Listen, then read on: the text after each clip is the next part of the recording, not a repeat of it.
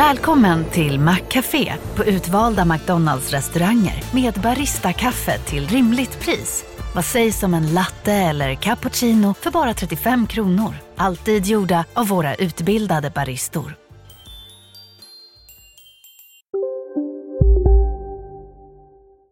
Hej och välkomna till Lisa läser. Det är jag som är Lisa och idag fortsätter vi med del 3 av Sommar med Magister Nilsson.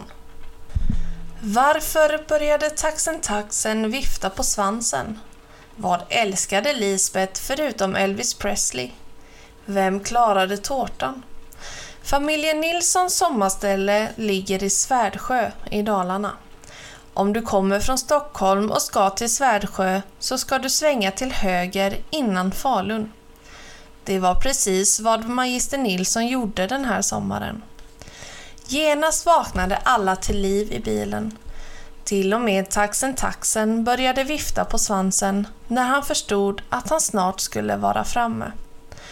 Även om lyktstolpen utanför den solgula villan i Stockholm tillhörde hans favoritställen gjorde tanken på alla björkalléer som fanns i Svärdsjö honom överlycklig. Nu närmade man sig byn och ungarna började peka.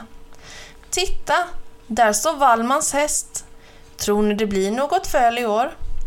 Lisbet älskade hästar. Där nere ligger sjön. I år ska jag fånga världens största abborre, lovade Larsan. Bilen for igenom taxen taxens slummiga björkalléer och mellan böljande åkrar och ängar. Alldeles före byn svängde magister Nilsson åt vänster och rullade ner för snickarbacken. Det kallades så för att det låg ett snickeri mitt i backen. Efter att ha rundat Erik Kolsböjen och kört upp för två backar och ner för en rullade skävan in på Fjärrsmansgården. Resan var över för den här gången. Familjen Nilssons sommarställe kallades för Fjärsmansgården. Men vad Fjärsman betydde visste ingen riktigt säkert. Magister Nilsson trodde att det kom av Fjärdingsman, som var en slags polis för länge sedan. Magister Nilsson slog av motorn och så drömmande ut genom vindrutan. Äntligen framme bland mina himmelska ängar, milsvida skogar och glittrande sjöar, suckade han. Se, sa han och pekade mot ladan. Se, så vackra ängarna är med sina midsommarblomster. Se hur vår styga lyser röd med vita knutar. Se hur brunstången bockar djupt och hälsar oss välkomna till Svärdsjö. Se hur vedbo... Evert, sa fru Nilsson. Får vi kliva ur bilen nu? Magister Nilsson hade från den dagen de köpt skevan bestämt att ingen fick kliva ur bilen utan hans tillstånd. Han skulle först se till att det var fritt fram. Ett ögonblick bara, min kära, sa han. Jag ska bara kontrollera att det är fritt fram åt alla håll. Få se nu. Inga bilar där, inga bilar där. Evert, sa fru Nilsson. Bilen står på tomten, inte på Kungsgatan i Stockholm. Jag vet min kära, svarade magister Nilsson. Men man kan aldrig vara för säker. Hur som helst, fortsatte han. Ni kan öppna dörrarna nu ungar. Sommaren är serverad. Äntligen! ropade barnen, öppnade bildörrarna och hoppade ut. Hoppade och hoppade. Alla fick hjälpas åt med sakerna som de hade haft i famnen under resan. Eva, sa fru Nilsson. Om du håller den här kartongen åt mig, ja, lägg den uppe på kakburken, så kan jag ta Lisbets skopåse så att Lisbet får händerna fria för att ta Matsans sovsäck ur Larsans famn, så att Larsan kan ta eh, cykelhjulet som står mellan Matsans ben, så att Matsan kommer fri och kan krypa över mormor och ut. Men eh, var försiktig Matsan så att du inte sätter dig på tårtan som vi köpte i Hosjö. Mormor har den i knät. Så där ja. Försiktiga nu. Öppna dörren och klev ut. Matsan klarade provet och hjälpte mormor med tårtan så att även hon kunde kliva ut ur bilen. Snart tumlade ungarna och taxen taxen runt i det höga gräset. Magister Nilsson låste upp stugdörren och fru Nilsson öppnade alla fönster på vid gavel för att vädra ut. Kom in i vårt hus, kära sol, ropade fru Nilsson till solen. Kom in i vårt hus och stanna hela sommaren. Barnen hjälpte magister Nilsson att bära in packningen från bilen medan mormor gick ut och satte sig i den gröna gungan som står ute hela året om. Mormor njöt av det hon såg framför sig. Den stora syrenhäcken blommade bakom storstugan och nedanför gården låg sjön spegelblank, inramad av gula vassar. I fjärran såg hon de blå bergen, en syn som hon älskade. Bergen fick henne att längta. Hon visste inte till vad eller till vem. Eh, hon bara kände att de blåtonade skogsklädda höjderna rörde någonting inom henne. Blå berg, sa hon tyst. Ge oss en vacker sommar. En sommar med mycket sol och värme. En sommar med kärlek och gemenskap. Magister Nilsson glömmer fiskegrejerna och slår huvudet i taket. Andra smällen. Det finurliga tältet. Finns det ekorrar så finns det säkert björnar. Fiskekniven som hade hemlängtan. Gäddan som var två meter mellan ögonen. Äntligen fisk. Ungarna kände sig som hemma redan efter första dagen på landet och sprang till granngårdarna och hälsade på djur och lekkamrater från förra sommaren. Trots att temperaturen i vattnet ännu inte var badvänlig lät inte ungarna hejda sig. I skulle man. Och på kvällarna fick de hjälpa till att ta hem korna till mjölkning. Varje dag var ett stort äventyr och ingen behövde vaggas till söms. Barnen stupade i säng när det var läggdags. Fru Nilsson och mormor hade också fullt upp att göra. De lagade mat och bakade bullar, städade och tvättade kläder som var fyllda med boss och damm från bondgårdens höskullar. Bullarna bakade de i den gamla vedeldade ugnen och tvätten kokade de i en stor gryta nere vid stranden. Mormor visade hur man bakade och tvättade när hon var ung och fru Nilsson älskade den här gemenskapen med sin mor. Magister Nilsson däremot kände att han ville röra på sig. Åka till en plats där äventyret väntade. Därför bestämde han sig för att ta med ungarna på en fisketur. Det var inte vilken fisketur som helst. Nej, man skulle åka upp till norra Dalarna, djupt in i de stora skogarna och man skulle bo i tält och leva av den egenhändigt fiskade fisken. Det ni, sa magister Nilsson, det är vad jag kallar en fisketur. När fru Nilsson hade hjälpt till att packa ner det allra viktigaste packade magister Nilsson in det och ungarna i skevan. Sedan sa han farväl till fru Nilsson och mormor, vinkade och for iväg. Efter några kilometer började han fundera. Tog jag med mig fiskegrejerna? När han hade grubblat sig fram ännu en kilometer stannade han bilen för att se efter. Vilken lycklig misstanke! Inte en enda fiskegrej fanns i bilen. Inte ett metspö. Ingenting. Magister Nilsson vände bilen och körde tillbaka mot Fjärsmansgården. Vad ska vi göra? frågade Lisbet. Ingenting, mina barn, svarade magister Nilsson. Inget speciellt. Jag glömde bara ett par saker som kan vara bra att ha där uppe i vildmarken. När de var tillbaka på Fjärsmansgården stängde magister Nilsson av motorn och rullade in på tomten. Han eh, ville inte att fru Nilsson och mormor skulle komma med en massa frågor om varför. Hur kunde du? och liknande. Försiktigt smög han sig fram till redskapsborden, öppnade dörren och slank in. Normalt hukar sig alla där inne. Det är nämligen väldigt lågt i tak i redskapsborden. Men inte magister Nilsson.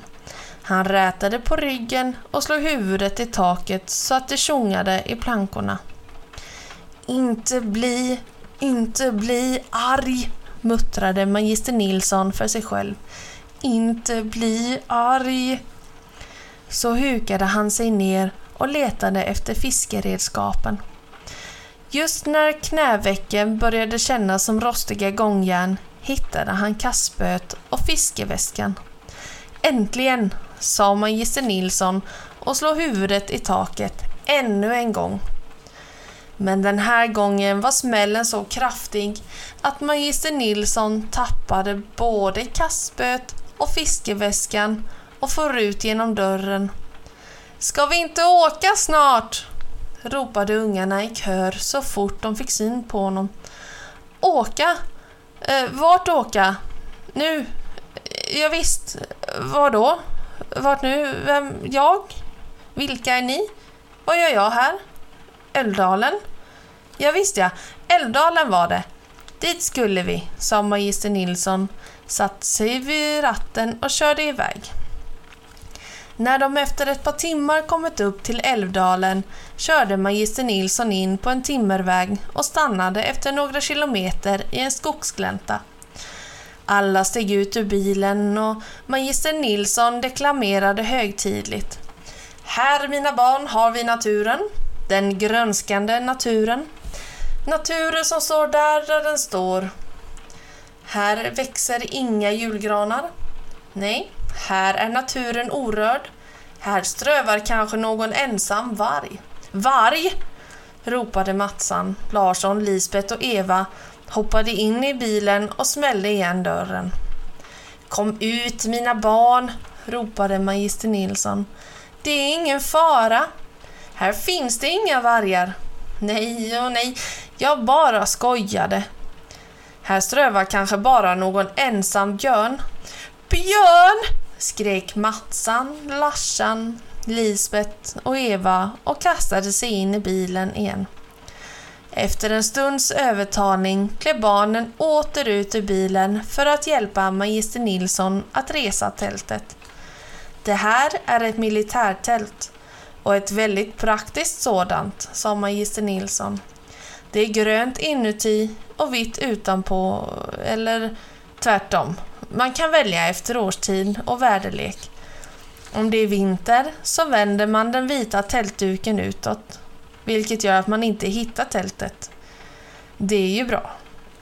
Larsan kunde inte riktigt förstå vad som var bra med att eh, man inte kunde hitta tältet. Men eh, han sa ingenting utan hjälpte de andra med att trycka ner tältpinnarna i marken. Efter en massa om och men stod tältet till slut där och det var verkligen ett stiligt tält.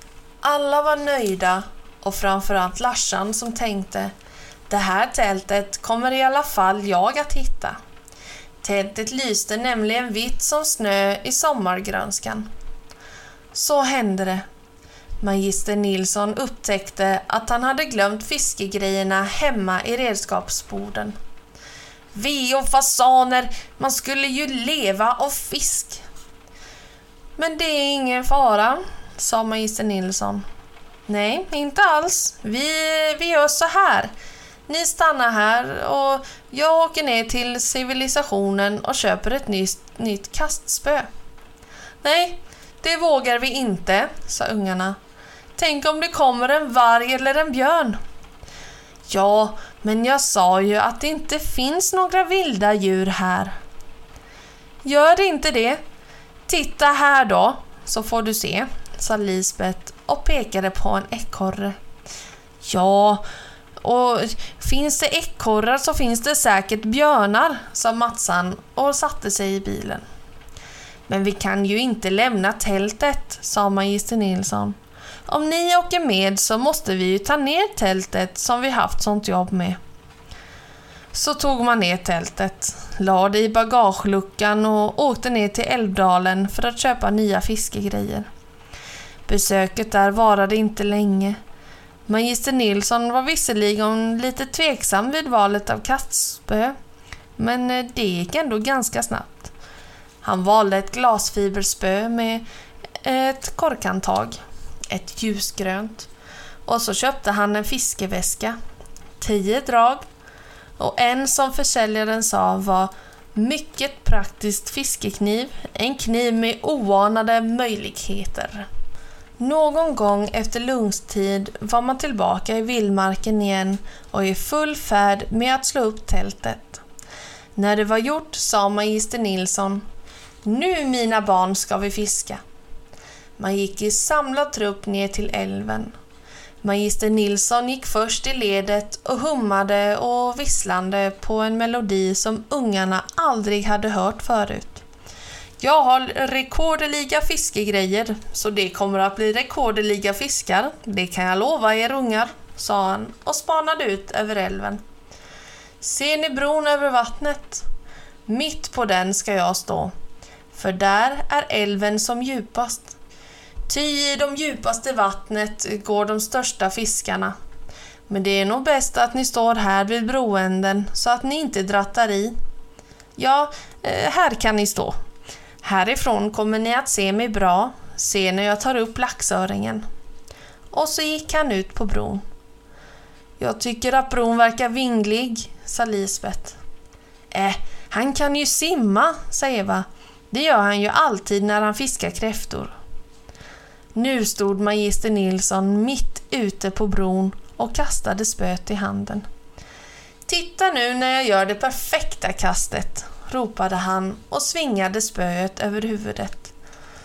Ungarna såg hur det guldblänkande draget for i en vid båge över älven, såg hur nylonlinan glittrade i solen, såg fascinerande hur det glasfiberkastspöet seglade i luften som en pil för att sedan landa på vattenytan och sjunka. Magister Nilsson såg ut som en fågelholk i ansiktet där han stod med korkhandtaget i handen och spanade ut över älven. Så slängde han korkhandtaget, lyfte på hatten och gick tillbaka till brofästet. Säg ingenting, sa han. Fråga mig inte. Jag är inte arg. Inte alls. Nej, inte arg. Nej, nej. Men eh, vi måste ändå ha mat och vi ska få fisk. Så nu åker jag tillbaka till civilisationen och köper ett nytt kastspö och ni stannar vid tältet. Och så talar vi inte mer om saken. Så tog man ner tältet och åkte iväg till Älvdalen igen. Vid femtiden på eftermiddagen var man åter vid skogsgläntan och sysselsatta med att resa tältet. Till allas förvåning blev tältet den här gången grönt. När det var klart gick de åter stigen ner till älven för att fiska. De gick på led som förra gången, men den enda skillnaden var att magister Nilsson istället för det ljusgröna glashuvudspöet med korkantag nu bar på ett spö som var helt gjutet i stål och så det faktum att han varken visslade eller hummade. Efter två timmar och en tio bortkastade drag högg det för Larsson. Oj vad det högg! Han höll nästan på att ramla i av bara förskräckelsen. Det var nämligen Larsan som höll i metspöet som ungarna gjort av en gren, en snörstump och en hårnål. Masken hade han hittat under en gammal planka i skogen och den masken hade tydligen varit mer lockande för fisken än magister Nilssons blänkande drag. Nu, tänkte Larsan. Nu har jag fångat världens största abborre. Hoppas att pappa inte har glömt kameran. Åh, vilken söt liten abborre, sa Eva när hon fick se Larsans fångst. Ska vi verkligen döda den? Larsans abborre var inte världens största. Det var nog snarare världens minsta. Ja, vi måste nog det, det är nämligen det enda vi har att käka, sa Matsan och tittade förebådande på magister Nilsson. Nu ska jag visa er hur man rensar fisk, sa magister Nilsson för att byta samtalsämne. Vi sätter oss här på stenarna vid vattnet och rensar abborren med min nya fiskrensarkniv. Först fjällar man fisken, sen skär man upp buken från analöppningen fram till huvudet, så skrapar man ut inälvorna. Magister Nilsson trixade med kniven och nu när jag ska skölja den rensade fisken och behöver båda händerna lägger jag kniven så här på vattenytan. Barnen tittade förvånande på kniven. Ja, den flöt faktiskt. Fantastiskt, sa Larsen. Fantastiskt menar jag. Vilken eh, kniv! Den flyter på korkhandtaget, vilket gör att man inte kan förlora den. Praktiskt va? Titta här nu, fortsatte magister Nilsson. Se hur jag med båda händerna sköljer fisken i vattnet och gör den ren och fin. Och så tar jag kniven igen, gör en sista...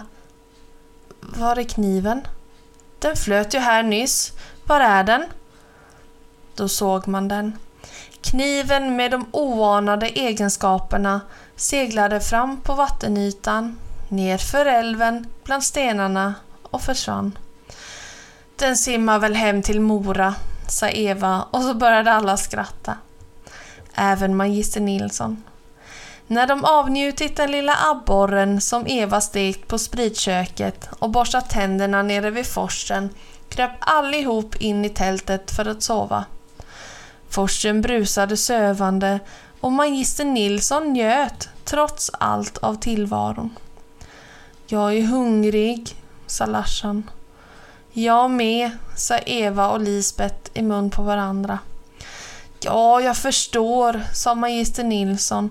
Men imorgon så ska jag ta upp en laxöring på fem kilo och då ska ni få äta så mycket ni vill. Sov nu och dröm om morgondagen.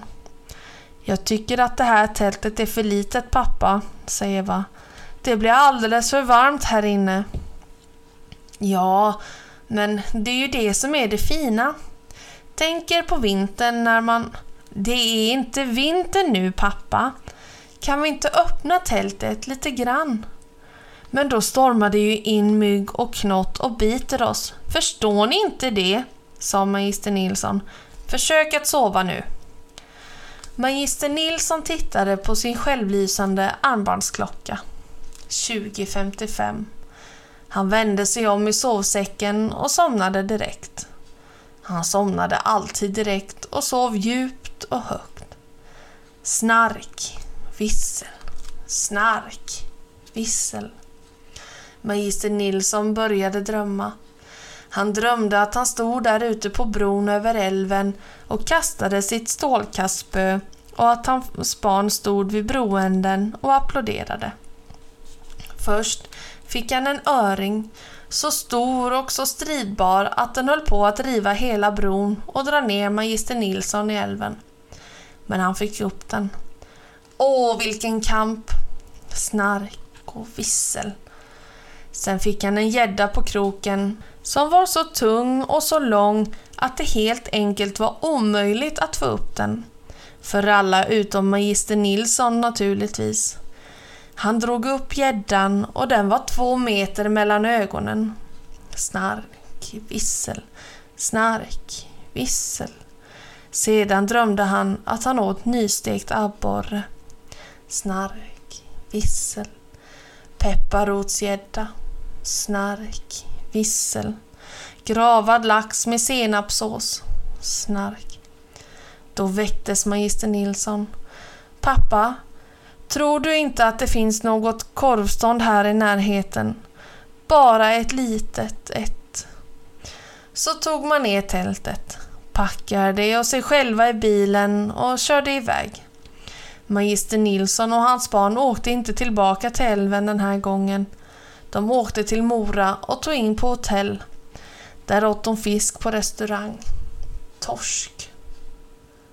Och snipp, snapp, snut så var denna del om Magister Nilsson slut.